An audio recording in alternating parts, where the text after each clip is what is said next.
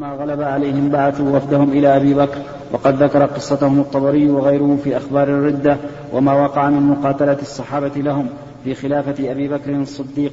وذكر أبو عبيد البكري في معجم الأماكن أن بزاخة ماء لطيء, لطيء عن الأصمعي ولبني أسد عن أبي عمرو يعني الشيباني. وقال أبو عبيدة هي رملة من وراء النباج. انتهى. والنباج بنون وموحدة خفيفة ثم جيم موضع في طريق الحاج من البصرة. قوله تتبعون أذناب الأبل إلى آخره. كذا ذكره البخاري هذه كذا ذكر البخاري هذه القطعة من الخبر مختصرة وليس غرضه منها إلا قول أبي بكر خليفة نبيه. وقد تقدم التنبيه على ذلك في, في الحديث الثالث. وقد أوردها أبو بكر البرقاني في مستخرجه وساقها الحميدي في الجمع بين الصحيحين.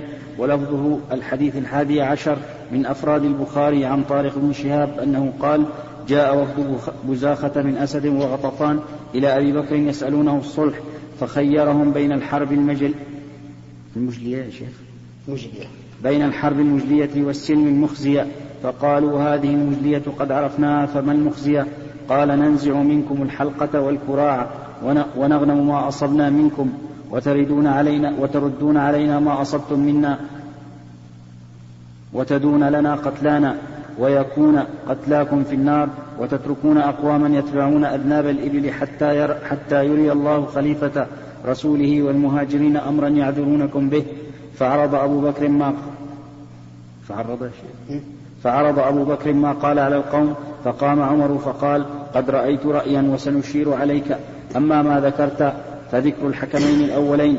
قال فنعم ما ذكرت وأما تدون فنعم ما ذكرت وأما تدون قتلانا ويكون قتلاكم في النار فإن قتلانا قاتلت على أمر الله وأجورنا على الله ليست لها ديات. وأجورها, وأجورها على الله ليست لها ديات. قال فتتابع القوم على ما قال عمر. قال الحميدي اختصر البخاري فذكر طرفا منه وهو قوله لهم تتبعون أذناب الإبل إلى قوله يعذرونكم به وأخرجه بطوله البرقاني بالإسناد الذي أخرج البخاري. ذلك القدر منه. انتهى ملخصا. وذكره ابن بطال من وجه آخر عن سفيان الثوري بهذا السند مطولا أيضا لكن قال فيه وفد بزاخة وهم من طيء. وقال فيه فخطب أبو بكر الناس فذكر ما قالوا وقال والباقي سواء. والمجلية بضم الميم وسكون الجيم بعدها لام مكسورة ثم تحتانية من الجلاء.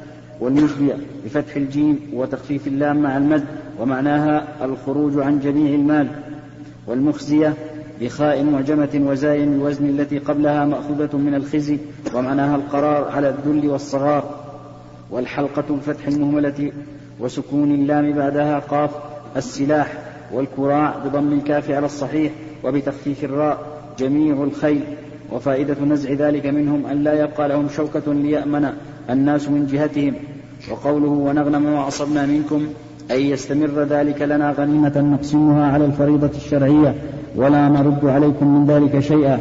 وقوله وتردون علينا ما أصبتم منا أي ما انتهبتموه من عسكر المسلمين في حالة المحاربة وقوله تدون بفتح المثنات وتخفيف الدال المضمومة أي تحملون إلينا دياتهم. أي تحملون إلينا دياتهم وقوله قتلاكم في النار أي لا ديات لهم في الدنيا لأنهم ماتوا على شركهم. فقتلوا بحق فلا دية لهم وقوله وتتركون بضم أوله ويتبعون أذناب الإبل أي في رعايتها لأنهم إذا نزعت منهم إذا, إذا نزعت منهم آلة الحرب رجعوا أعرابا في البوادي لا عيش لهم إلا ما يعود عليهم من منافع إبلهم. قال ابن بطال كانوا ارتدوا ثم تابوا.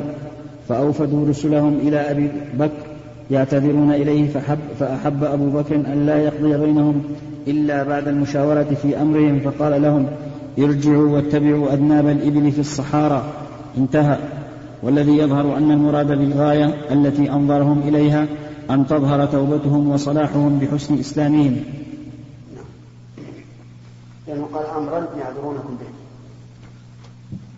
الشاهد من هذا أو في هذا الحديث فائدتان. الفائدة الأولى إثبات خلافة أبي بكر رضي الله عنه بعد النبي صلى الله عليه وآله وسلم وهذا أمر مجمع عليه. والثاني أن الخليفة يشاور غيره لأنه لم يقل حتى يريني أو حتى يري الله خليفة نبيه أمرا يعذركم به بل قد يري الله خليفة نبيه والمهاجرين أمرا يعذرونكم به. وهكذا ينبغي للإمام الأمور العامة التي لا يتبين له وجهها أن يستشير الناس استطلاعا للرأي واستئناسا بمشورته نعم. نعم. عمر استدرك على أبي بكر رضي الله عنه هي القتلى نعم. قال لأنه قاتل وأنا أسلم نعم. وأما الاستدراك على فتاوى لم يتبين لي. نعم. ما بين إيه لأنهم مرتدون اي لكن عمر استدرك على أبي بكر. تدرك على إيش؟ حينما قال. ولهذا يقول فنعم ما ذكرت واما تدون قد كان ويكون فتاكم في النار واستدرك. قال أما كذا ولم يبين استدراكه يعني علة استدراكه على أبي بكر في انه قد يكونون في النار. ما ما استدرك عليه. وافق. استدراك لا هو استدرك على على أنهم يدونه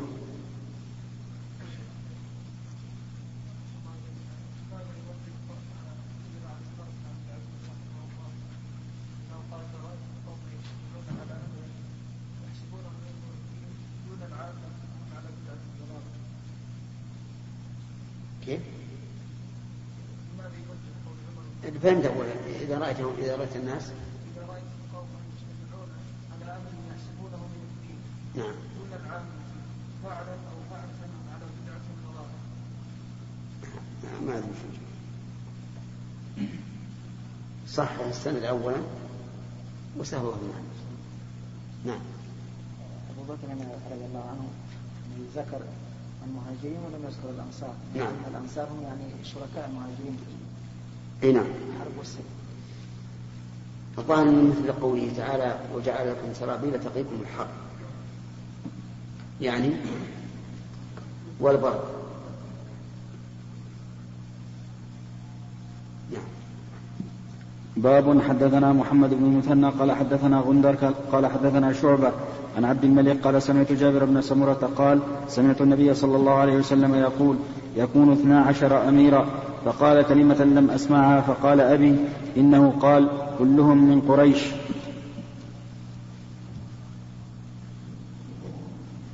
إنما حاول في بعض العلماء عدهم ولكن ال- ال- الأمراء من قريش يزيدون على 12 أمير فهل هذا العدد مقصود أو يقال يكون 12 أميرا على الوجه المشروع لأن في بعض أمراء بني أمية من لم يكن مستقيما على الولاية فهذا محتمل نعم. صلى الله وسلم على نبينا محمد وعلى آله وصحبه. قال البخاري رحمه الله تعالى باب إخراج الخصوم وأهل الريب من البيوت بعد المعرفة. وقد أخرج عمر أخت أبي بكر حين ناحت.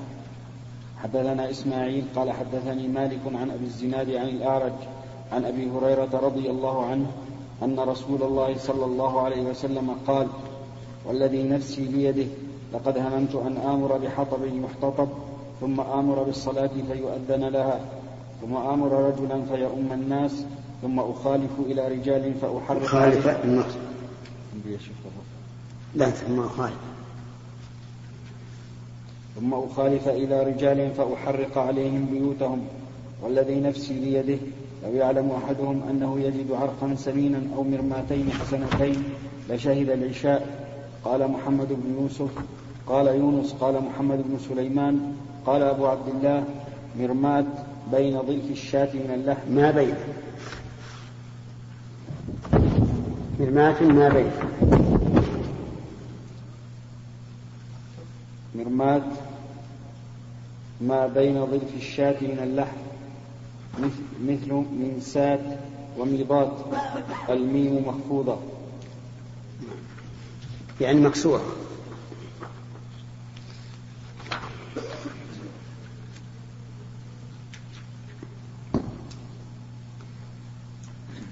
إيش بالاثر الذي علق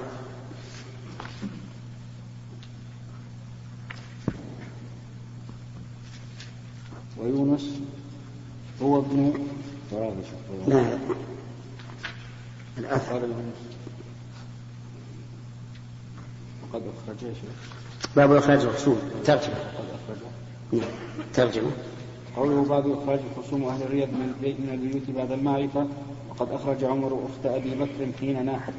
تقدمت هذه الترجمة والأثر المعلق فيها والحديث في كتاب الأشخاص وقال فيه المعاصي بدل أهل الرياض وساق الحديث من وجه آخر عن أبي هريرة وتقدم شرحه مستوفا في أوائل باب صلاة الجماعة.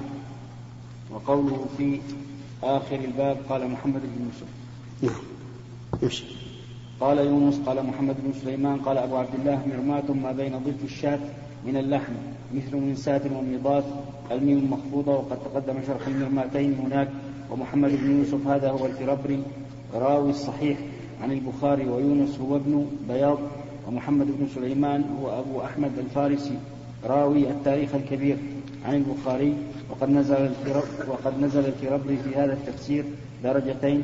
فإنه أدخل بينه وبين شيخه البخاري رجلين أحدهما عن الآخر. وثبت هذا التفسير في رواية أبي ذر عن المستملي وحده وقوله مثل منساة وميضات أما منساة بالوزن الذي ذكره بغير همز فهي قراءة أبي عمرو ونافع في قوله تعالى تأكل منسأته وقال الشاعر إذا دببت على المنساة من هرم فقد تباعد عنك اللهو والغزل أنشده أبو عبيدة ثم قال وبعضهم يهمزها فيقول من سأة من سأته قلت وهي قراءة الباقين بهمزة بهمزة مفتوحة إلا ابن ذكوان فسكن الهمزة وفيها قراءات أخر في الشواذ والمنسات العصا اسم آل من أنسأ الشيء إذا أخره وقوله ألميم مخفوضة أي في كل من المنسات والمضاد وفي المضاد اللغات المذكورة. خلاص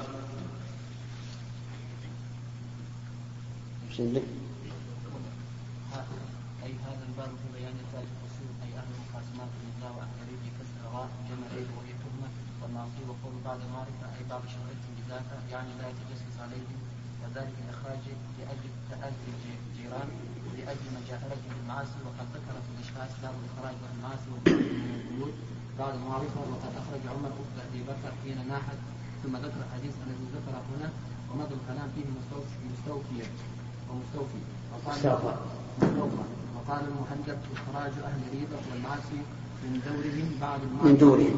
من دورهم. بعد المعرفة بهم. واجب على الإمام لأجل تأذي من جاء من جاورهم ومن أجل مجاهرتهم بالعصيان وإذا لم يعرفوا بأعيانهم فلا يلزم البحث عن أمرهم لأنه من التجسس الذي نهى الله عنه. وقيل ليس إخراج آه، أهل المعاصي بواجب فمن ثبت عليه ما يوجب الحد أقيم عليه. بمناسبة الحديث الباب إيه مناسبة الحديث. مطابق مترجم من حيث إنه بلغ من, من معناه فإن فإن فيها الإخراج من البيوت وفيها إحراق للناس وإسماعيل هو ابن أبي أوس أوس وأبو الزناد بالزاي والنون عبد الله بن زكوان بن زكوان والاعراج عبد الرحمن بن حرمز ومصدر الحديث بالأشخاص وقبل الإشخاص. الأشخاص. الإشخاص الإشخاص. وقبله في الصلاة وفي باب الصلاة بالجماعة ومضى الكلام فيه قوله يحتفظ ويروى يحطب يحطب يحطب يحطب يحطب بالتشديد أي يجمع الحطب يحطب يحطب بالتشديد أي يجمع الحطب قوله ثم أخالف أخالف إلى الرجال أي آتيهم أي أخالف مشتغلين بالصلاة قاصدا إلى بيوت الذين لم يخرجوا عنها إلى الصلاة. وأحرق عليهم قوله. عرقا بفتح العين المهملة وسكون الراء وهو العرق الذي أخذ عنه أو أخذ عنه النحو قوله أو مرمتين خلاص خلاص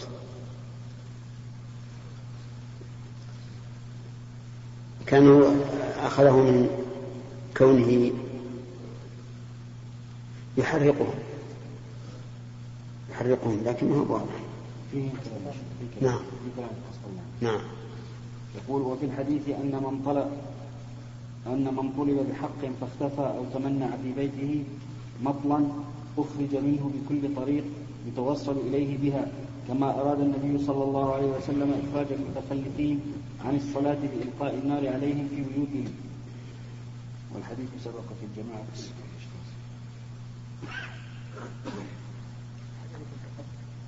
نعم. يقول ما هو ظاهر ما هو ظاهر لأن أحرق عليهم ظاهر معهم. أما لو قال فأحرق بيوتهم فربما يقول إنه يلزم من تحريق بيوتهم أن يخرجوا. على كل حال لا شك أن إخراج الخصوم يعني المخاصمات وأهل المعاصي من البيوت بعد المعرفة أمر لا بأس به إذا رأى الإمام. لأنه يعني قد يكون صاحب هذا البيت صاحب معاصي صاحب ريب تهم. يأتي إليه النساء وأهل الفسق والفجور فيخرج ولا حرج من ذلك. هذا ما الترجمة سواء كان هذا الحديث شاهدا لها أم لم يكن فإن قواعد الشريعة تقتضي ذلك. أن لا يبقى من من هو في ريبة وأهل وأهل خصوم وصاحب خصومة أن يبقى في البيوت بين الناس لأن لما في ذلك من الضرر والحديث يدل على وجوب صلاة الجماعة. ووجهه أن أن النبي صلى الله عليه وآله وسلم لم يقل ذلك إلا على سبيل التحذير من التخلف. وفيه دليل على أن المحتسب الهيئة رجل الهيئة إذا تخلف عن صلاة الجماعة من أجل إقامة الناس في صلاة الجماعة وإدخالهم في المساجد فإنه لا بأس به. لقوله ثم أخالف إلى قوم أو إلى رجال فأحرق عليهم بيوتهم بالنار. وفيه أيضا أن من هؤلاء المتخلفين الذين يتخلفون عن هذا الكسب العظيم الصلاة الواحدة بسبع وعشرين درجة من هؤلاء من إذا ذكر لهم شيء زهيد في الدنيا تسابقوا إليه. ولهذا أقسم عليه الصلاة والسلام وهو الصادق البار بأنه لو يعلم أحدهم أنه يجد عرقا سمينا أو مئتين حسنتين. لشهد العشاء العرق العظم الذي ليس فيه لحم. سمي عرقا لأنه يتعرق يعني يتتبع ما فيه فيؤكل. وأما المئتين ففسرهما البخاري بقول ما بين ضلف الشاة من اللحم. ما بين ضلفي الشاة من اللحم. المعنى لو يجد شيئا يرمى في السوق ولا يقبه به فإنه يتبعه ويتخلف عن الجماعة وهي في ولها سبع وعشرين درجة. نعم سليم الرسول صلى الله عليه وسلم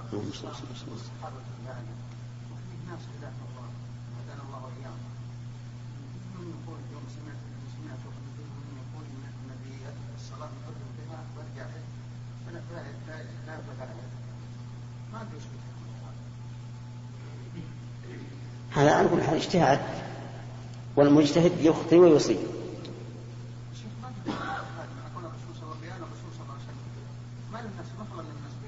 على كل حال عندهم اجتهادات لكن هذا اجتهاد ليس بصواب. المجتهد قد يخطئ وقد يصيب والصحيح أن من لم يصلي لا في البيت ولا في المسجد أنه كافر كفرا مخرجا عن الملة وأنه لا يجوز أن يغسل إذا مات ولا يكفن ولا يصلى عليه ولا عن المسلمين بل يرمى في زبالة ويدفن لئلا يتأذى الناس برائحته ويتأذى أهله بمشاهدته. نعم. ما المقصود بالإخراج؟ يعني إخراج على سبيل التعريض ولا إخراج؟ لا من المكان هذا من مكان الريب. ما يسكنون يعني. ما يسكنون في هذا المكان. يجعل لهم مكان مكان آخر يحرسون فيه. نعم. أي مسؤولية الإمام. الإمام أو نائب؟ أن يدبر لهم. يخرجهم من بين البيوت ثم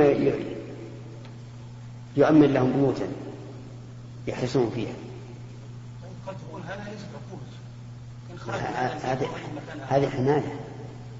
حماية. ما نخليه حتى لو سكن في مكان آخر ووجدنا أنه باق على ما هو عليه من الريبة فإن نخرجه وهو في هذه الحال سوف يعرف الأمر. ربما يتوب من هذا التعزير أو ربما كما قلت لك يجعل لهم بيوت خاصة ويحمون فيه نعم؟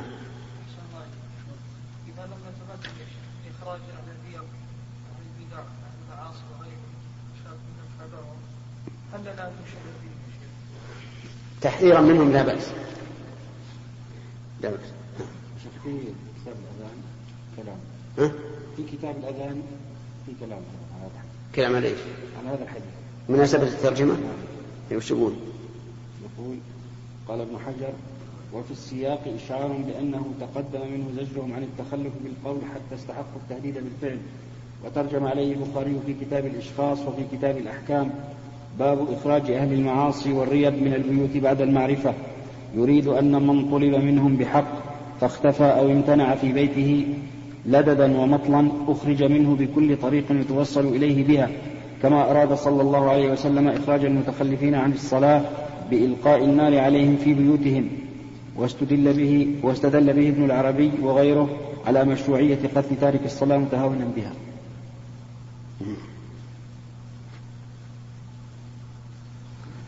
يعني لا بأس وجهه توجيه طيب.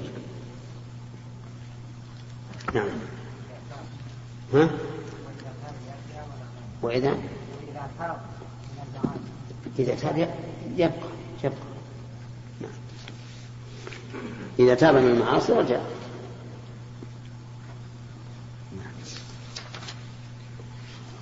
باب هل للإمام أن يمنع المجرمين وأهل المعصية من الكلام معه والزيارة ونحوه. حدثنا يحيى بن بكير قال حدثنا الليث عن عقيل عن ابن شهاب عن عبد الرحمن بن عبد الله بن كعب بن مالك أن عبد الله بن كعب بن مالك وكان قائد كعب من بنيه حين عمي. قال سمعت كعب بن مالك قال لما تخلف عن رسول الله صلى الله عليه وسلم في غزوة تبوك فذكر حديثه ونهى رسول الله صلى الله عليه وسلم المسلمين عن كلامنا فلبثنا على ذلك خمسين ليلة وآذن رسول الله صلى الله عليه وسلم بتوبة الله علينا